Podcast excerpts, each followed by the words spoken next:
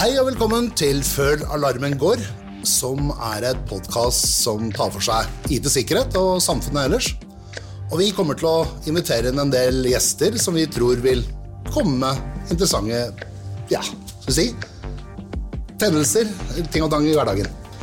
Um, I dag så har vi med oss Kjetil Anniken. Um, Anniken, Hei. Hei. Takk. Hei. hvem er du? Eh, Jeg heter Anniken Løvstad Hole. Jeg eh, jobber jo da i Athea mm. som strategisk rådgiver innen informasjonssikkerhet og personvern. Jeg er jo relativt ny i Athea. Jeg, har, jeg er ferdig med prøvetiden, så gratulerer til meg. Da ble du her. Jeg ble her, da. Eh, Så jeg jobber med ulike prosjekter knyttet til risikostyring og eh, personvern, personvernkonsekvensvurderinger, eh, modenhetsvurderinger, you name it. Alt det som går på å beskytte de verdiene vi, eller virksomhetene da sitter på. Så kult, men hvordan, hvordan fant du på å ramle inn i sikkerhetsbransjen? Det var litt flaks. Eh, Jeg begynte på en eh, mastergrad en gang i tiden. eh, Som jeg egentlig forsto ikke det fulle bildet da jeg søkte meg inn. Det var noe, det var noen sånne buzzwords med sikkerhet og digitalisering. Og det hørtes interessant ut. Og juss og IT, liksom. Så da begynte jeg på det. Så fant jeg fort ut at det var jo eh, kjempeinteressant. Det var jo eh, samfunnsaktuelt. Det ga en, ga en verdi for både meg og da jeg så for meg også virksomheter jeg eventuelt kunne bistå da i fremtiden. Så, eh, så hadde jeg jo litt flaks, da. Denne personvernforordningen kom jo plutselig. Ja. Og skapte jo litt sånn eh, dramaskrik rundt omkring, kan du si. Eh, men eh, da hadde jo jeg studert da, den digitale jussen og da sikkerhet og, og den slags, så da kunne jeg da bistå rett inn. Du fikk litt drahjelp i starten? Fikk det. fikk det. Ja, Så bra. Så det, liksom, du så for deg studiet, fikk et kall underveis, med andre ord? Ja, så bra. Du, um, Kjetil, over til deg. Ja, Eh, vi har jo kjent hverandre i mange år. det har vi. Og ehm, hva er det som gjør at du, du holder stikk inn der, har vært med oss i så mange år i, i typ, ja, forskjellige roller, men spesielt lederrollen, kanskje?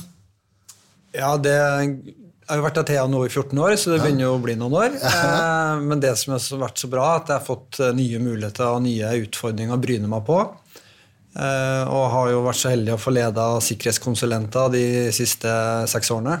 Og det er jo et spennende fagfelt i stor utvikling. og en bransje i vekst, eh, så jeg syns det var veldig gøy å ha vært med å, bygge opp det til å bli noe større enn hva det var. Mm. Og spesielt kult da, å jobbe med flinke folk. Mm. Sørge for at de utvikler seg, får faglige utfordringer og spennende kundeoppdrag. Så det syns jeg er dritkult.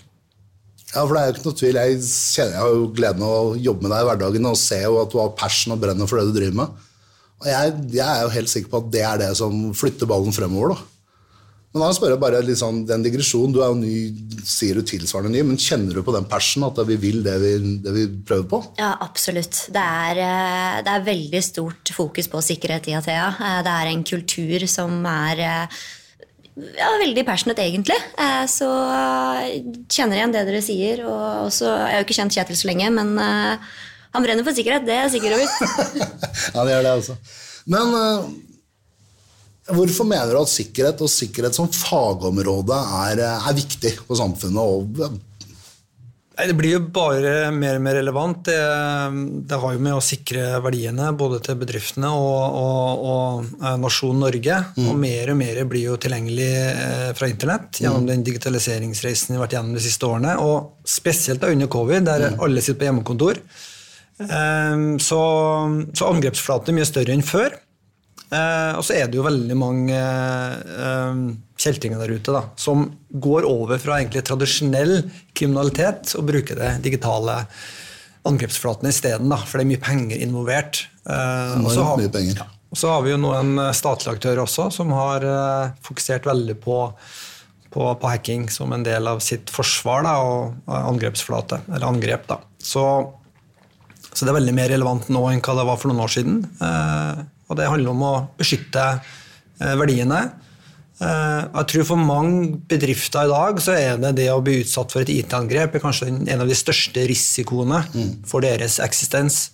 Så det er kjempeviktig fagfelt, og, og det utvikler seg raskt. så det det rapporter sier vel at eh, det ligger helt på topp tre av det virksomhetsledere bekymrer seg over. Dette her å bli utsatt for ja, digitale angrep. Ja, det viser Gartner-rapporter viser det at det er myndighetsreguleringer som kanskje ligger på toppen, mm. som en stor eh, risiko, og så er det å bli utsatt for, eh, for, for IT-angrep. Det har jo enorme konsekvenser. Altså. Men, eh, men, hvordan kan konsulenter bidra med, med, å skape et bedre bilde her i verden? da? Veldig mange har jo investert i sikkerhetsteknologi, mm. eh, men så opplever vi jo at de har ikke satt opp riktig, eller ikke har det oppdatert, eller, eller eh, ting ikke helt på stell. Mm. Så det handler om også å eh, få verdi ut av de investeringene man har gjort. Mm. Eh, og noen ganger så må man investere i nye løsninger for, for, for å øke IT-sikkerheten. Eh, Anniken, deler du det synet? Hvordan, hvordan finner du ut om det er satt ut riktig? Hvordan Det er jo et, et godt spørsmål. Ja. det er jo mange som finner ut av det dessverre litt for sent, eh, og da er man eh, i beredskap allerede. Så det handler jo om å gjennomføre de riktige kontrollene og risikovurderingene på et tidligere tidspunkt. Eh, være bevisst sitt ansvar. Forstå hvilke trusler som er der ute, og hvilke man skal beskytte seg mot, og hvordan man da skal, eh, skal beskytte seg mot det. Her har jo da ledelsen eh, i virksomheter ganske mye ansvar. Eh, er de bevisst ansvaret sitt? Opplever du at de skjønner hvilket ansvar de faktisk sitter på? Ja, det var det, da. Eh, Det er både og. Okay. Um, du har jo de virksomhetene som er gjennomsyret av sikkerhet, som ser på sikkerhet i alt de gjør. Har på mm. seg de velkjente sikkerhetsbrillene, da, som man kaller det. Mm. Men du har jo også de som har delegerte nedover. Delegert ansvaret nedover. Det kan man jo egentlig ikke gjøre. Um, så, så, det er en jobb som må gjøres for de fleste. Og vi ser jo også da at gjennom denne pandemien her, uh, som vi har hatt, eh, så var det veldig mange løsninger som ble tatt i bruk uten at man kanskje tenkte på sikkerhet. Sånn at det ikke eh, da ivaretok de interessene som, som egentlig burde gjort. Så, og den der praten med kaffemaskinen den får man ikke lenger nå heller. Du kan ikke bare spørre en kollega du, jeg fikk en, altså, en litt rar mail nå. Ja, nå lukter litt fugl av ja, ja. Hva skal jeg gjøre med den, da? Ja. Nå, så nå trykker man bare kanskje på den, eller ja, opererer da uten å faktisk ha fått uh, tatt de uh, samtalene med kollegaer. Så det er uh, det er viktig at man tar opp igjen tråden nå, tror jeg. Mm. At man, eh, man begynner å, å, reflektere litt rundt hvilke tiltak man har implementert, og hvilke som bør implementeres for å, for å sikre da, de verdiene man har fremover. Opplever du det også i hverdagen med konsulentene som kom, er ute hos ja, alt mulig forskjellige kunder, egentlig? Men de kommer jo tilbake igjen. Melder de litt det samme bildet, eller? Ja, og så, og så, tenker jeg at uh, tradisjonell sikkerhet, uh, sånn som vi har sikra oss før med ja. perimetersikring, der en brannmursløsning er veldig sentral Da vi begynte i 2000 og antivirus var hot. Ja, og der, der alle jobber innenfor, eller fra kontoret innenfor brannmuren. Ja. Og så har jo bruksmønsteret endret seg. Uh, Eh, ansatte sitter på hjemmekontor, det er på reise. Da må du beskytte deg på en litt annen måte. Mm. Så du må bygge opp den sikkerhetsarkitekturen. Da, da snakker vi litt sånn zero trust og sånne buzzword. Mm. Eh, men det gjør at eh, du må bygge opp løsninger litt annerledes enn, tidligere. Eh, og ta i bruk kanskje annen type teknologi enn hva du er vant til å bruke. da. Så, så det, det, ser vi at en del fortsatt tenker veldig tradisjonelt, eh, og ikke har hengt med litt på, på, på Eh, hvor brukerne jobber fra, og hvor de aksesserer systemene. Eh, men, men, er det ikke sånn at når jeg har satt på plass en sikkerhetsløsning, så er jo det akkurat som å montere en dørlås, opplever jeg da. Også. Da er jeg ferdig med det, er ikke Nei, det er kontinuerlig jobb. Eh, det, så er ikke, sånn, du er det, ikke ferdig, liksom? Nei, det er ikke noe plug and play, og så er du ferdig. Okay. Det, må, det, må, oppdateres, og det må justeres, og det må Vær sikker på at det konfigurerer det riktig, at det faktisk er sikkert. Derfor er det jo veldig mange kunder som ønsker at vi gjennomfører sikkerhetstesting, type pentesting. Mm. Og selv hos de Pentest er vanligvis som penetrasjonstesting. Ja, prøve faktisk, å komme inn, liksom? Prøve å komme inn som etisk hacker og finne de sikkerhetshullene og, ja. og, og, og, hjelpe kunder med å tette etterpå. Og Det opplever vi blant de, de som tar sikkerhet høyest. Så er det alltid en vei inn det er alltid en dør som er åpen, som ikke er låst. Mm. Uh, og vi må jo låse de dørene. Og det er jo egentlig litt flaks da, at de dørene ikke har blitt uh, eh, åpna tidligere. Ja. Så, så, det er jo litt sånn som sier også, det er litt tilfeldig hvem som blir angrepet også.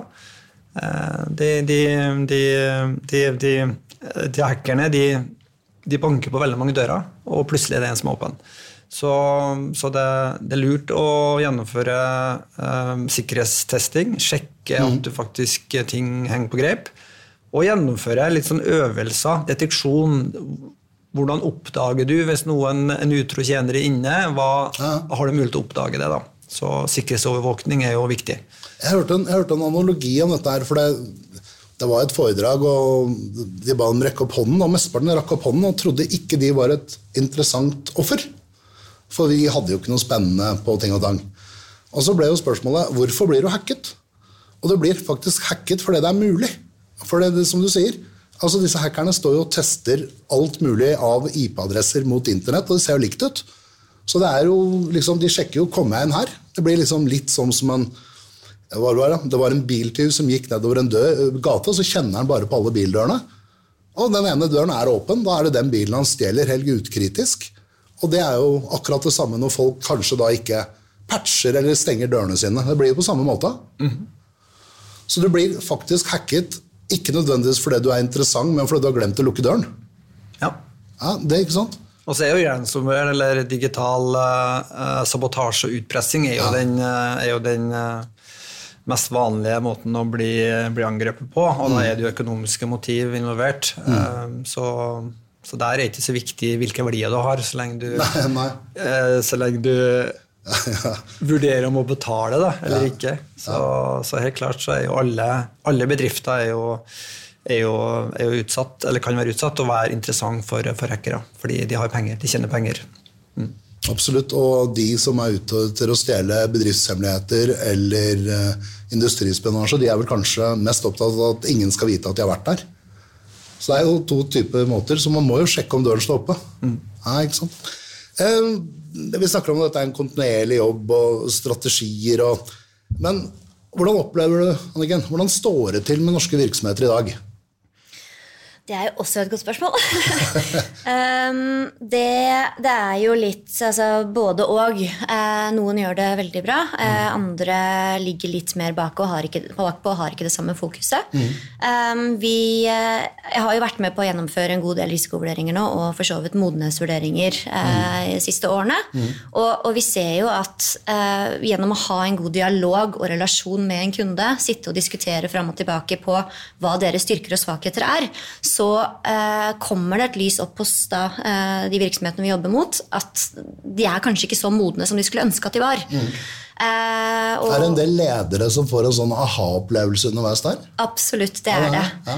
Eh, og vi har jo, altså Modenhetsanalyse brukes jo på, på ulike måter. Vi har, enten så brukes det for IT-avdelingen, for Mm. at de skal få ledelsen til å forstå hvilke risikoer de faktisk sitter på. Ja. Eh, men også ledelsen da, for å ta en temperaturmåling rett og slett på hvordan det står an nedover.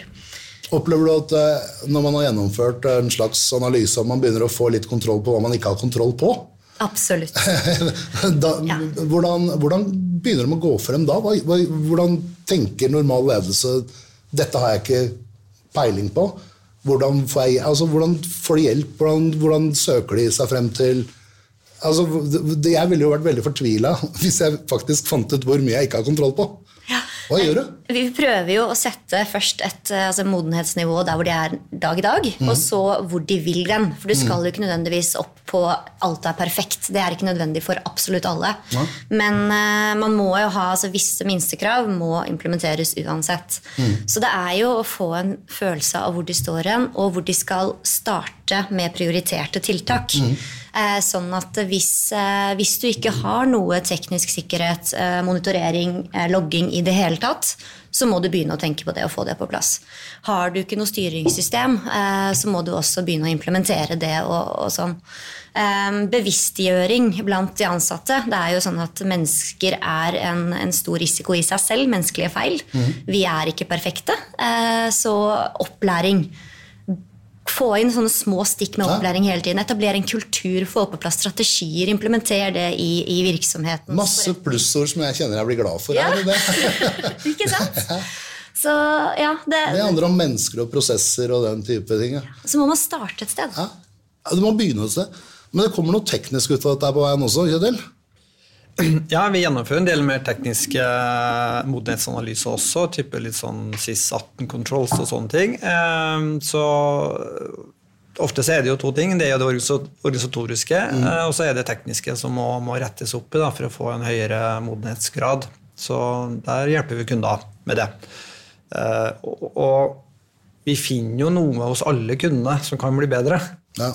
Eh, så, så tror jeg det er viktig for de kundene å eh, måtte være litt ydmyk i forhold til hva kan jeg håndtere selv, mm. og hva, hva, bør jeg eh, kjøpe som en tjeneste, hva trenger jeg hjelp til? ikke sant? Uh, og det opplever jo kunder som sier at de har en, en sokk, dvs. Si som analyserer hendelser, mm. men som i praksis ikke har det. Mm. Uh, og da kan det hende bedre for de å kjøpe den som en tjeneste av en profesjonell aktør, uh, enn å håndtere all sikkerheten selv. Så det er veldig få bedrifter der IT-sikkerhet er kjernevirksomheten. Det er jo, eh, så da kan det hende at er det noen andre som kan håndtere det her på en bedre måte for meg, mm. eh, enn at jeg skal ha både kapasitet og kompetanse til å håndtere all sikkerheten selv. Når du, snakker, når du snakker om kompetanse, så er det litt interessant, for jeg leste en rapport der at vi i dag mangler 1900 ressurser til å fylle de rollene vi har. Mm. Og mot 2030 så kommer det tallet til å være 4300. Mm. Hvordan ressurser. Hvordan skaffer Jeg vet at du ansetter jo masse mennesker. Eh, er det lett å finne ressurser i dag? Er det lett å finne folk som kan IT-sikkerhet? Ja, nei, det, Alle vil jo ha de seniorkonsulentene som har ti års erfaring, ja. Eh, og som gjerne er salgbare fra dag én, ja. Eh, men de er ikke så veldig mange av. Eh, Så, så vi, vi, investerer jo i nyutdannede gjennom vår, vår graduate-program, der mm. vi henter studenter Eh, rett fra skolebenken og trene det opp selv. Eh, så det er jo en måte vårt bidrag til å få flere inn, inn i eh, IT-sikkerhetsyrket. Så det er veldig viktig. For det, de senior- og sjefskonsulentene med, med 10-15 års erfaring, de Vokser ikke på trær? De vokser ikke på trær. Så vi, vi hjelper til litt der, da, med at vi, at vi kjører ganske mange gjennom en sånn graduate-program så er det også da flere virksomheter som velger å, å leie inn da konsulenter for altså Leie inn kompetanse er vel egentlig det man gjør da for, mm. uh, for å sikre seg og, og, og, ha tilstrekkelig eh, kompetanse på huset i en, i en periode, i hvert fall. da. Ikke. Ja, men det er jo, ikke sant? og det er jo også en av de tingene man må avdekke. da, Kompetanse og, og, og bilder rundt det. Det er et komplekst bilde, dette her. Det, det også endrer jo seg hele tida. Uh, flere og flere tar i bruk skytjenester, skykjenester, og, og, mange kjøper sikkerhet fra de skyleverandørene også. Men der er det jo nye funksjoner og ny funksjonalitet som kommer ukentlig. Ja. Uh, så der er det vanskelig. Altså. De kjøper gjerne en E5-lisens hvis, hvis, det er Microsoft uh, Asher, men hvilke funksjoner skal de ta i bruk? Ja, det, det, er en jungel, altså, ja. og det er vanskelig å sette seg inn i. Og det tar masse tid for oss, eh, for oss konsulenter også til å lære seg faktisk hvilke parametere bør vi skru på, og hva trenger vi ikke ja. å skru på. Så hva jo, har du fra før? Hva får du dobbelt av? Hvilke logger trenger du, hva trenger du ikke? ikke det blir så. Så det er komplisert. Eh, så jeg vil anbefale å spørre en som har gjort det før. Men eh, jeg skulle til å stille noen avsluttende spørsmål her. Og det var faktisk det avsluttende spørsmålet. Hva er det du anbefaler? Og det du anbefaler, er å prate med noen som har gjort det før? Det vil jeg gjøre. Anbefaler å snakke med noen som, eh, som har vært uten vinterdag før, og som kanskje har hjulpet andre kunder også, som eh, kan relateres til din virksomhet. Det er fordelen med å leie inn en erfaren konsulent, at de har vært ute hos andre kunder og jobba med tilsvarende problemstillinger. Nei, ikke sant? Spådde bare det tid og penger å gjøre sikrere på veien. Ja. Det raske vei til mål. Fantastisk. Adrian jeg må jo spørre deg også om et eh, godt råd. Ja, eh, for de som kjenner meg eh, Jeg trenger ikke å kjenne meg så godt, for så vidt heller, men de som kjenner meg litt, da, de vet at jeg brenner litt ekstra for personvern. Ja, okay. så eh, det å tenke på altså personopplysninger som andre beskyttelsesverdige verdier mm. som da virksomheten besitter, og integrere arbeidet med personvern med det sikkerhetsarbeidet som pågår, okay. det tror jeg er viktig. Å ikke tenke silo på disse to områdene. Eh, sikkerhet. Personvern er en del av det store sikkerhetsbildet. Eh, og, og, det er de samme tiltakene som gjelder. Så ja, det, det, er mitt tips. Ja, Det vil vel kanskje være en uh, fordel å tenke på også i forhold til GDPR og hvis noe skjer. og ting og ting også. Ja, absolutt. Det er et utrolig godt tips. Jeg har, en, jeg har også et lite sånn spørsmål, for det er rett og slett fordi jeg er litt nysgjerrig. Men eh, verden blir jo mer digital, og som du sa innledningsvis, så putter vi alt mulig, alt mulig skal jo på nett i dag. Mm. Uh, hva er din favoritt smart device? Um, kanskje ikke så smart, men i hvert fall en er veldig avhengig av, er babycall. Jeg har to, to, små barn, så hvis den er tom for batteri, så er det krise og må lades. Så den bruker vi ofte for å, for å sørge for at barna sover trygt og ikke trenger hjelp. Så babycallen er, er flittig, flittig, brukt. Så det tror jeg kanskje den er mest avhengig av, bortsett fra mobiltelefon og sånne ting. Ja. Men den gjør jo livet smartere. Ja, gjør det. Jeg gjør det. Gjør det. Hva er din smart, da? Er vel nå jeg skal svare at jeg ikke har noen smart devices av sikkerhetshensyn. Nei da, jeg har selvfølgelig det. Um, jeg må nok svare Google Nest, uh, Google Home Devices. Uh, det er noe behagelig med å komme inn døra og si 'hei, Google, uh, jeg er hjemme', ja. og så bare tilpasser hele miljøet seg til det, sånn jeg skal ha det.